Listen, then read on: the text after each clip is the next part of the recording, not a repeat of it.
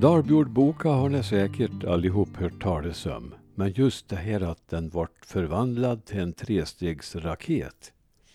Det kanske var nytt. Men det var rubriken på en krönika jag hade i Nya Värmlandstidningen den 24 oktober 2015. Den berömda Dalbjordboken har blivit en trestegsraket. Steg 1. Det färdiga handskrivna originalet blev kopierat i tre exemplar på 1960-talet. Steg 2. Ordboken gavs ut som tryckt bok år 2000 och blev inläst som cd-rom året efter. Steg 3. 2015 tar den klivet in i cyberrymden och kommer ut på nätet. Vad skulle de båda upphovsmännen ha sagt om detta? Låt oss börja från början. Det första och helt avgörande steget togs vid jultiden 1947 när Sysslebäcksbördige språkforskaren i Uppsala, Jakob Jakobsson, besökte skogsarbetaren Carl Larsson Bergqvist på Båsberget öster om Brattmon. Dit ledde bara en två kilometer lång gångstig och man kan tänka sig att Jakob var något irriterad när han återvände med, som han trodde, oförrättat ärende. På hans arbetsplats, Ulma, alltså Uppsala landsmåls och folkminnesinstitut, hade en satsning pågått med inriktning mot värmländska dialekter och Jakob och hans kollega Richard Broberg sökte någon som skulle kunna uppteckna Dalbymålet som ansågs som det mest genuina Värmlandsmålet. De hade fattat intresse för ovan nämnde Karl, i bygden benämnd Karl på berg, efter att ha läst flera av hans dialektdikter på mål i bland annat tidskriften Finnbygden. Jakobs uppdrag var att intressera Karl för uppgiften, men Karl förklarade att han inte var villig att åta sig uppdraget. Kanske att Jakob ändå hade märkt en viss nyfikenhet hos den andre, för han lämnade kvar ett exemplar av landsmålsalfabetet, en fonetisk skrift, som skulle täcka in alla i Sverige förekommande språkljud. Dessutom la han kvar några av de många frågelistor som arkivet använde för att inga ord skulle missas. Det dröjde inte länge förrän det började strömma in Dalbyord i mängder till arkivet i Uppsala. Karl hade inte kunnat motstå utmaningen. Förutom orden hade han skrivit långa berättelser om livet i det gamla Dalby och forskarna på Ulma fick bekräftat att de frågat rätt person. Själv har jag haft nöjet att träffa både Karl och Jakob och efter en intervju jag gjorde med Karl ringde jag upp Richard Broberg för att få hans omdöme. Han var full av superlativer om de båda forskarna och upphöjde till och med Karl till geni på området. Det hade nämligen visat sig att det fattades tecken för en viss betoning i Dalbymålet. Och detta hade Karl på egen hand upptäckt när han satt uppe på berg och pluggade in landsmålsalfabetet. Jakob, som var noggrannheten personifierad, tog hand om Karls insända ord och sammanställde av dessa en ordbok där det förutom förklaring och uttal fanns språkexempel, böjningsformer och synonymer. Allt utfört med samma exakthet och respekt som vore det ett riksspråk.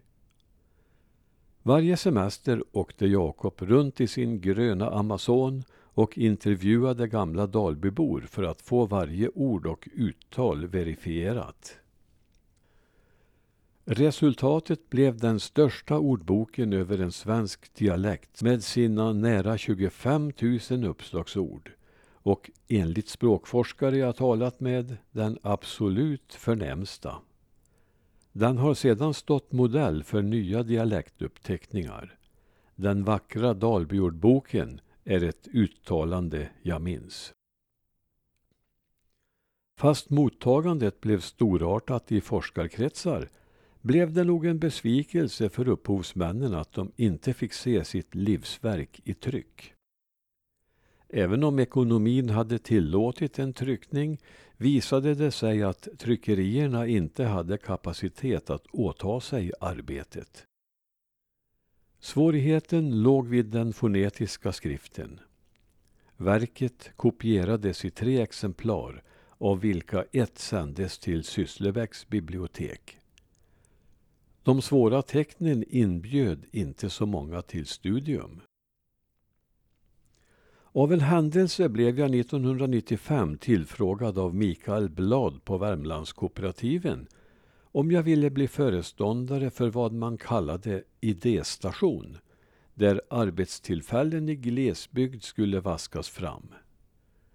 Jag åtog mig uppdraget på deltid under förutsättning att det i arbetet kunde ingå att transkribera Dalbjordboken till en läsvänlig bokstavsuppsättning med målet att få den utgiven som bok och sedan inläst på cd-rom. Till min förvåning visade det sig att detta var möjligt. Vid studier i fonetik på universitetsfilialen i Karlstad hade jag fått tillfälle att sätta mig in i landsmålsalfabetet och jag insåg att en förenkling måste till om boken skulle bli använd av flera. Med oumbärlig hjälp av Rune Westerlund på Ulma sattes principerna för den fonetiska skriften upp och arbetet kunde börja. Karina Berglund var för tillfället arbetssökande och hon tog en stor del av ansvaret. Vi bildade föreningen Kulturkopra och lyckades få arbetet utfört som ett EU-projekt. Många fler kompetenta medhjälpare gjorde goda insatser. Efter fem år var den tryckta boken klar och då pågick ännu inläsningen. Två goda inläsare bistod mig. Det var Peter Bengtsson och Inger Karlsson, båda från Sysslebäck. Med deras goda insats var vår CD klar för utgivning 2001. Ungefär 45 000 ljudfiler med Dalbymål var inlästa och hela ordbokstexten fanns med på skivan. Dessutom hade vi på Kulturkopra samlat och redigerat Karls etnologiska beskrivningar av bondesamhällets Dalby och gett ut i bokform. Trestegsraketens andra och som vi trodde sista steg var avfyrat. Vad Karl och Jakob skulle ha tänkt om vårt arbete vet jag inte. För läsbarhetens skull var en viss förenkling av den fonetiska skriften helt nödvändig. Jag hade nog inte vågat mig på detta utan stödet från Rune Westerlund på Ulma. Jag tror att Jakob ler nöjt uppe i sin himmel, sa Rune tröstande om sin gamle arbetskamrat. Och originaluppteckningen finns ju kvar. I och med att projektet var slutfört trodde jag att arbetet med Dalbjordboken var klart, att det var så up to date som det kunde bli. Men i dataåldern är 14 år en lång tidsrymd och cd-rom känns inte som någon ny teknik längre. Ett mejl från språk och datorbegåvade Torsbybon Martin Wiss öppnade nya vyer. Han förklarade att han nyligen publicerat älvdalsk ordbok på internet och att han hade tekniken för att publicera Dalbyordboken enligt samma modell, med ljud och allt. Efter bollande av synpunkter på olika tecken med mera tecknen för de två A-ljuden blir motsatta på cd-rommen. Så verkade allt fungera. I provversionen fanns alla tecken och ord, alla färger och till och med rösterna.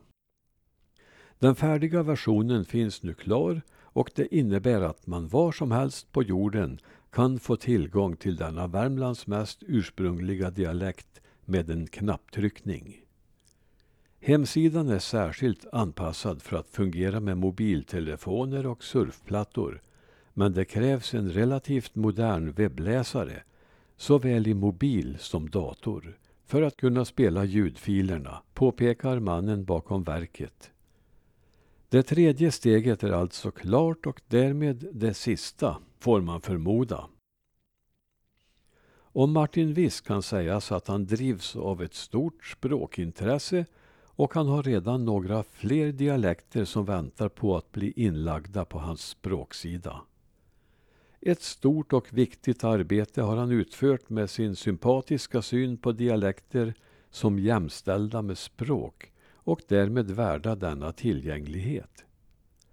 Vad Karl och Jakob skulle ha sagt de skulle ha gapat av förvåning och förhoppningsvis lett nöjt i sin himmel. Adressen till internetordboken är dalby.ordbok.gratis.